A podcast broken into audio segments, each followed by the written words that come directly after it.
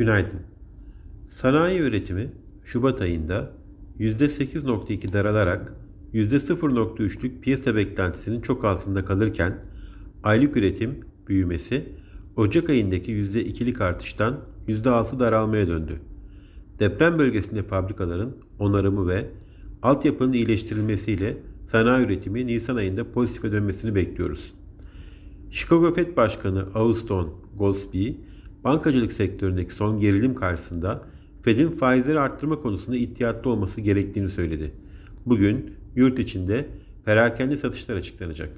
Yurt dışında Amerika'da tüfe enflasyonu ve FOMC tutanakları takip edilecek. Bu sabah Asya endeksleri hafif alıcılı, Amerika'da vadeliler yatay işlem görüyor. Borsa İstanbul'da hafif alıcılı bir başlangıç öngörüyoruz. İyi günler, bereketli kazançlar.